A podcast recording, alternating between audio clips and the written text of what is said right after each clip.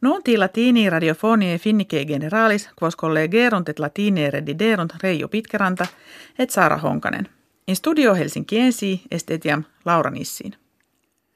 Donald Trump, presidens civitatum Americae unitarum, et Vladimir Putin, presidens Russie, de questionibus politicis telefonike collocuti sunt.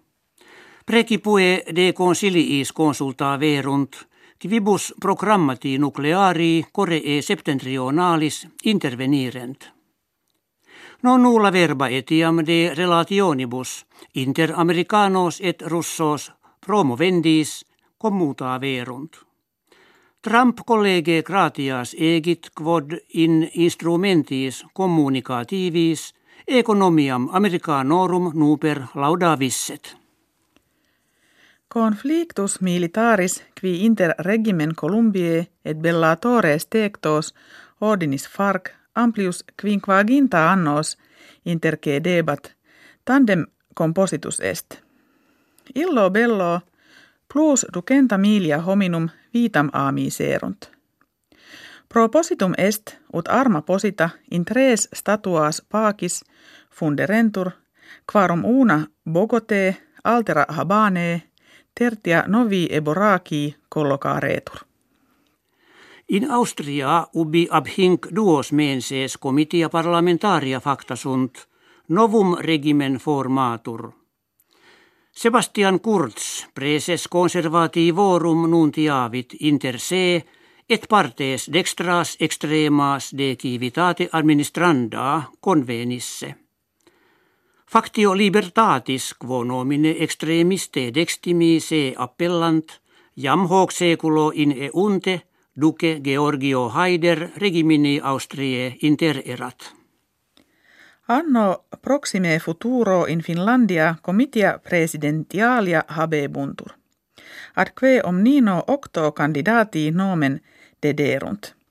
Unus eorum est Sauli Niinistö, presidens hodiernus, qui apud populum tantum gratia valet, ut non multum abesse videatur, quiniam primo suffragio in munus eligatur. Hoc anno vel futuro, duo milia annorum acta sunt cum Publius Ovidius Naso poeta Romanus mortuus est. Constat eum ab imperatore Augusto propter carmen et errorem ut poeta ipse scripsit patria expulsum esse. Nunc autem consilium urbanum Rome decrevit ut illa pena auferretur – et Ovidio nomine lingve libere jus restitueretur.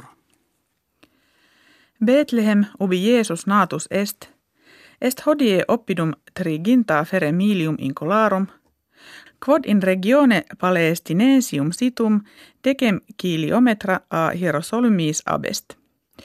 Consilium presidentis Donald Trump ut Hierosoluma caput Israelis fiant – Betlehemitis eo magis displicet, quod metuendum est, ne numerus viatorum, in locum natalem Christi venientium, propter multum politicum deminuatur.